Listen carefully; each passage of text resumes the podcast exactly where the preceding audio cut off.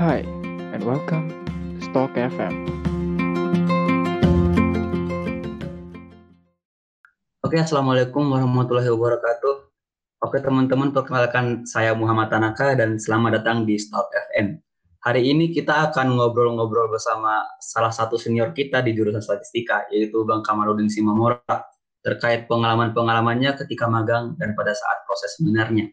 Oke, langsung saja kita sapa uh, Bang Kamalnya. Halo Bang Kamal, apa kabar? Halo Tanaka, Alhamdulillah kabarnya masih baik-baik aja sampai saat ini. Gimana kamu Tan? Kalau aku sehat selalu sih bang. Uh, oh iya bang. Uh, jadi tujuan kita bahas topik ini tuh biar nanti teman-teman yang sekarang lagi magang dan adik-adik yang masih semester 4 ke bawah itu setidaknya mereka ada pandangan gitu tentang apa aja sih yang yang harus kita persiapkan dan kita lakukan nanti saat magang dan biar nanti teman-teman tuh nggak bingung lagi untuk magangnya dan sudah siap 100% gitu bang. Oke siap-siap. Ya, jadi uh, di sini aku sudah menyiapkan beberapa pertanyaan, Bang, uh, yang mungkin teman-teman di luar sana ingin tahu gitu. Uh, jadi gimana? Udah siap kan? Udah siap nggak, Bang Kemal? Siap dong. Oke. Okay. Ini yang pertama ya. Hmm. Jadi yang pertama tuh ada kemarin kan ada beberapa teman aku kan, Bang, yang sebelumnya kesusahan mencari tempat kafe gitu. Apalagi di masa pandemik sekarang ini, sangat sedikit instansi yang membuka lowongan magang. Jadi bagaimana sih saran Bang Kamal sendiri untuk teman-teman yang sebentar lagi menghadapi KP, biar terhindar dari masalah ini gitu? Oke, berbicara tentang pemilihan uh, tempat KP ataupun tempat apply ya. Uh, eh, yeah. Pertama, yang paling aku saranin sih, uh, kita tahu bahwa sekarang itu mahasiswa magang itu hampir di setiap program studi di Indonesia itu akan uh, melakukan gitu kan. Dan otomatis uh, akan banyak saingan kita dari universitas lain bahkan gitu. Bukan hanya di lingkup universitas kita aja Nah, menurut aku uh, sebelum kita magang eh, enam uh, bulan sebelumnya bias biasakan sudah mencari-cari info tersebut dan udah bisa mulai apply karena kan nanti yang kita apply bisa kita cantumin tuh tanggal kita magang kapan gitu biar nggak hmm. keduluan sama orang lain gitu. Jadi kita udah uh, prepare nih uh, dari jauh-jauh sebelumnya gitu. Jadi ketika nanti orang sudah uh, yang lain pada apply, kita diutamakan dong karena kita yang pertama apply gitu sih menurut aku.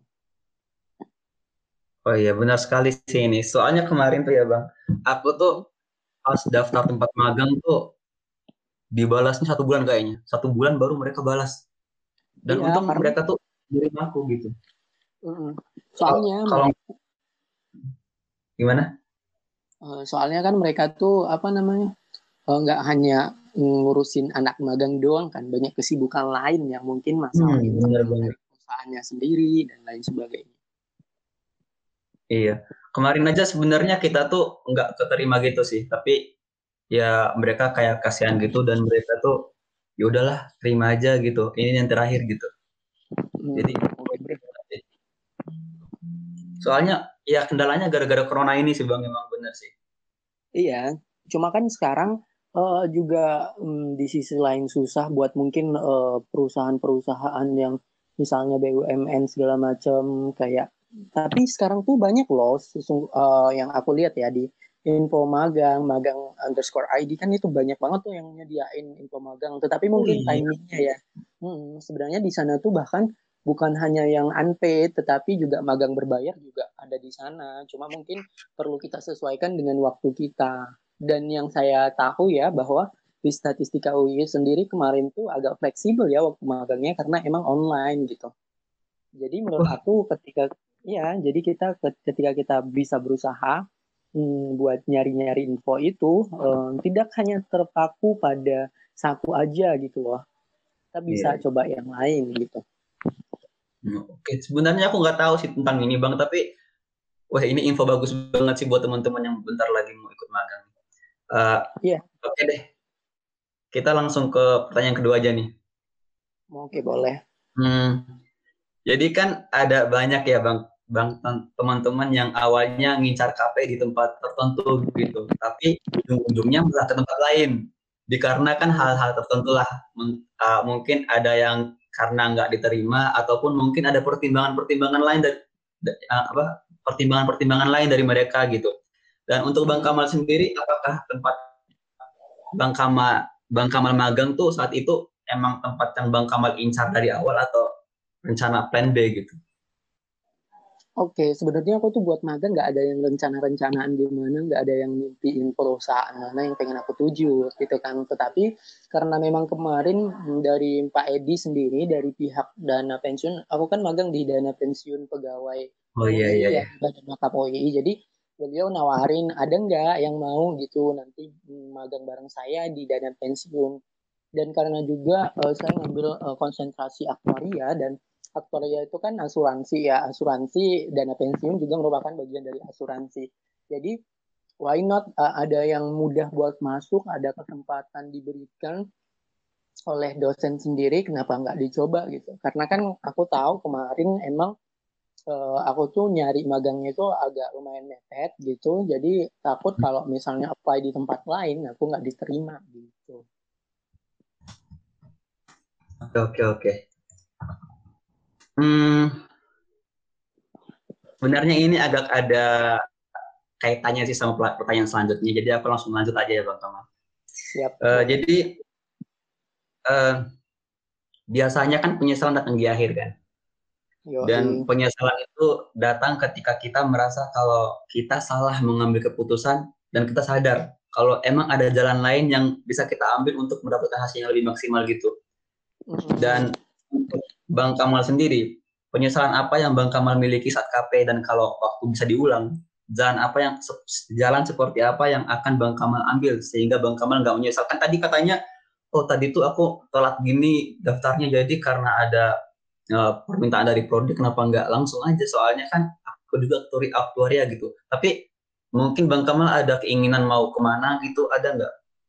Mm -hmm sebenarnya ya itu tadi hmm, penyesalan itu datang di akhir bener banget. Dan ya usahakan kamu udah prepare dari jauh-jauh hari. Jadi ketika kamu uh, pengen daftar ataupun pengen uh, magang di suatu tempat yang kamu inginkan kamu udah siap gitu loh. Jadi nggak ngambil pilihan-pilihan lain gitu dan juga mungkin ketika magang hmm, aku tuh terlalu santai ya maksudnya gini yeah. Iya. ketika magang tuh biasanya kita hmm, kasih tugas gitu kan. Nah, mungkin ada waktu-waktu luang yang kita miliki harusnya kita bisa gunakan itu buat uh, prepare, mulai ya. nyicil buat iya. laporan yeah. gitu. Karena untuk magang itu kan sendiri uh, apa kegiatannya dilakukan di akhir semester 5 atau awal semester 6 kan. Jadi uh, di sana di semester 6 kita tuh banyak banget kegiatan ataupun banyak-banyak proyek-proyek yang akan uh, diberikan kepada kita. Jadi menurut aku ketika kita udah mulai persiapan nih uh, di laporan mungkin nyicil-nyicil yang bab-bab awal dulu, yang bagian-bagian yang mungkin nggak terlalu butuh effort uh, lebih untuk uh, menyelesaikan mm -hmm. itu, uh, sebaiknya kita langsung uh, cicil aja gitu, karena nanti ke kemudian ke setelah magang uh, selesai kita mulai fokus untuk analisis data kalau memang laporan kita itu butuh analisis data dan sebagainya. Jadi, mm, jadi nanti kita bisa um, apa pengerjaan laporannya itu lebih santai gitu dan uh, kita otomatis bisa uh, nyambi juga buat kegiatan kegiatan-kegiatan lain gitu. Hmm, tapi ini sih kalau untuk hal-hal yang Bang Kamal mau ubah gimana kayak, aduh aku mau kalau bisa diubah lagi aku mau ke bank nih gitu atau aku mau ke asuransi itu gitu. Ada nggak kayak gitu? -gitu? Aku nggak ada sih karena di tempatku itu aku juga bisa belajar terkait dengan dana pensiun yang merupakan itu ya lingkupnya penjurusan aku gitu loh di asuransi gitu. Jadi nggak ada yang uh, disesalkan gitu. Jadi bersyukur aja sih gitu karena kan sudah ada jalannya masing-masing gitu. Iya sih. Soalnya menurutku juga sih ini siapa ya kalau nyesal juga boleh sebenarnya tapi kita juga harus mensyukuri apa yang telah kita yang diberikan juga kan ya, ya karena mungkin apa yang kita dapatkan saat ini adalah yang terbaik juga sih dan belum tentu mungkin misal, misal kita dikasih kesempatan buat putar balik waktu putar balik waktu nih terus kita pilih pilihan yang ini belum tentu ya mungkin awal-awal kita bakal ngerasain enaknya gitu tapi ke depannya gimana bakal selancar yang sebelumnya nggak emang gitu sih ya bang Iya betul banget Oke. Dan ini untuk pertanyaan keempat. Oke, siap-siap. Jadi ini bukan bermaksud lain ya teman-teman. Tapi sebagai gambaran aja buat teman-teman agar teman-teman tidak kecewa nih dan tidak menyesal karena salah mengambil keputusan pada saat memilih tempat KP. Jadi untuk menurut uh, menurut Bang Kamal menurut Bang Kamal sendiri nih penting nggak sih kita nyari tempat KP yang instansinya itu gede? Atau kita ya udahlah yang penting magang uh, terus udah nyelesain laporan terus udah memenuhi SKS gitu. Jadi yang nggak penting lah besar apa kecilnya gitu. Jadi menurut Bang Kamal gimana kalau kayak gitu? Oke, uh, yang paling digarisbawahi di sini adalah bukan tempatnya, tetapi tergantung kitanya gitu. Meskipun tempatnya sebagus apa, perusahaan segede apa, namun kalau kita jobless di sana, nggak ada kerjaan di sana ya buat apa? Masa buat gengsi-gengsian hmm. doang gitu kan? Yang paling penting adalah bagaimana kita bisa memberikan apa yang kita punya, apa yang kita miliki, skill yang kita pengen asah itu di tempat magang kita. Meskipun mungkin kita magang di startup-startup yang baru-baru gitu tetapi kalau uh, keadaan ataupun hadirnya kita di sana dianggap dan oh ya ternyata saya berguna loh di sini gitu itu mungkin akan lebih memberikan kepuasan tersendiri bagi kita gitu dibanding hmm. kita mungkin uh, di kementerian nih tetapi ah, cuma duduk-duduk doang bahkan ada yang jadi misalnya jadi customer service ataupun ya nggak sesuai gitu dengan apa yang memang benar-benar mau kita pelajari gitu. Dan berbicara tentang apa yang pengen kita pelajari kita kan statistisi nih. Nah otomatis kita di sana pengen belajar tentang uh, data dong bagaimana menjadi statistisi yeah. statistisi yang sesungguhnya gitu loh. Kalau memang fungsi kita itu di sana kita tidak dapatkan meskipun itu perusahaan besar menurut aku itu sesuatu yang keliru gitu. Tetap jadi sekali lagi saya katakan bahwa bukan tergantung pada tempatnya tetapi pada kita bagaimana cara kita menempatkan atau memposisikan diri. Benar-benar berniat untuk kerja gitu apakah kita benar-benar berniat untuk belajar gitu? Karena uh, apa ya orang mungkin lihatnya oh keren nih. Tetapi kan yang ngerasain kan kita gitu loh yang dapat yeah. manfaatnya atau menurutnya kan kita gitu. Jadi ya itu tadi kembali kepada bagaimana kita memposisikan diri kita di suatu tempat magang itu gitu loh. Itu sih jadi ya jadi ya kesimpulan teman-teman yang aku tangkap sebenarnya instansi itu penting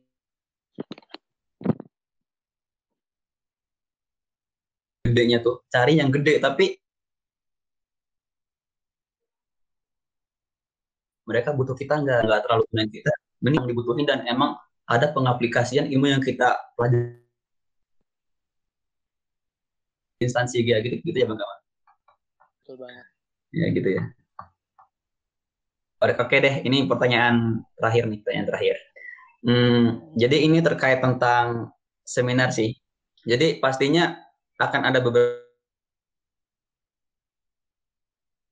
kekhawatiran beberapa hari sebelum kita menghadapi sesuatu yang besar kan? Apalagi seminar kayak gini nih. Uh, jadi untuk Bang Inar wawancara ini apa aja sih kekhawatiran yang Bang Kamal miliki dan apa aja yang Bang Kamal lakukan untuk mengatasi kekhawatiran tersebut Oke, langsung aja ya. Berbicara tentang kekhawatiran, itu tergantung pada bagaimana kesiapan kita nggak sih gitu. Karena ketika kita siap, uh, menurut saya itu akan memberikan peluang kepercayaan diri yang lebih besar bagi kita gitu loh. Meskipun uh, grogi itu ada gitu, itu nggak bisa dipungkiri karena itu manusiawi gitu. Karena di sana kita akan mempertanggungjawabkan apa yang kita analisis, apa yang kita lakukan selama magang gitu kan. Tetapi ya itu tadi kembali kepada kita bagaimana kita persiapannya gitu. Ketika kita udah siap, kita udah yakin, kita udah tahu nih menguasai apa yang mau kita sampaikan, menguasai paper kita, sudah mempersiapkan dari jauh-jauh hari, sudah latihan juga untuk presentasi gitu. Dan kita udah tahu mungkin e, nanti yang akan menguji saya siapa gitu. Oh, saya harus gini nih e, berhadapan dengan bapak atau ibu yang ini gitu. Jadi kita harus bisa membaca segala sesuatu dan bisa mempersiapkan itu dengan matang. Insya Allah menurut saya kekhawatiran-kekhawatiran yang muncul itu akan bisa kita atasi gitu. Karena ya kembali tadi karena kita udah siap gitu loh untuk uh, ditanya-tanya. Kita udah siap dengan penampilan kita. Kita udah pede dengan apa yang akan kita katakan gitu. Jadi menurut saya um, kita bisa mengatasi kekhawatiran-kekhawatiran tersebut itu ketika kita uh, memang benar-benar well prepared di depannya gitu. Kita udah um, siap dengan laporan, kita udah nyicil tuh buat timeline sendiri sih menurut aku karena di semester 6 itu biasanya emang lagi padat-padatnya tuh kegiatan. Untuk mata-mata kuliah itu banyak uh, apa namanya uh, project-project yang harus kita selesaikan di akhir belum lagi dengan laporan KP yang merupakan salah satu syarat kelulusan kita gitu. Jadi menurutku uh, bagaimana time management kita, bagaimana kita bisa mengatur waktu kita di sana itu sangat-sangat penting sih untuk bagaimana kita menyelesaikan laporan kita tersebut dengan baik atau tidak seperti itu kan. Oh jadi menurut Bang Kamal ini ya kita tuh kalau udah siap ya udah nggak ada yang dikhawatirin lagi ya. Soalnya kalau kita udah menguasai semuanya ya apa yang harus dikhawatirkan gitu ya. Iya, karena mungkin grogi itu manusiawi gitu. Tetapi kalau kita hmm. merasa bahwa kita udah siap, uh, ya ya apa yang mau dikhawatirkan, apa yang mau ditakutkan gitu loh. Uh, dengan sendirinya kepercayaan diri itu akan tumbuh dan kekhawatiran itu akan uh, mengecil lah istilahnya gitu.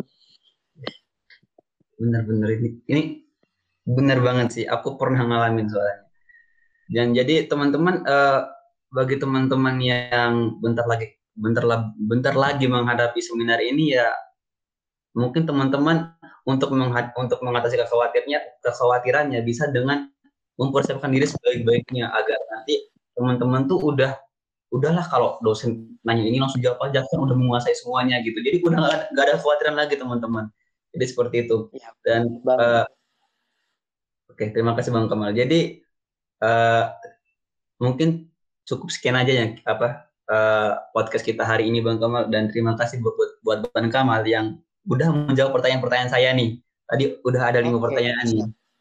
Oke, okay, terima kasih Bang. Semoga sukses ya nanti semuanya buat angkatan 2000 uh, eh, apa 2018 ya untuk seminarnya nanti. Dan untuk angkatan-angkatan ke bawahnya, ntar yang mau menghadap, menghadapi KP. Jadi semangat ya teman-teman. Oke, ya, terima betul. kasih di sini aku juga dapat ilmu juga sih tapi ya mau mengaplikasikannya udah telat juga sih soalnya kita udah selesai magangnya dan buat teman-teman yang tadi mau menghadapi KP jangan lupa tadi kata Bang Kamal ada link-link yang emang menyediakan tempat magang jadi jangan lupa ya teman-teman. Oke terima kasih Bang Kamal. Sama-sama. Oke uh, ya assalamualaikum warahmatullahi wabarakatuh. Waalaikumsalam warahmatullahi wabarakatuh Hi, thanks for listening to our podcast. For more information, please follow our Instagram at statistics.uee.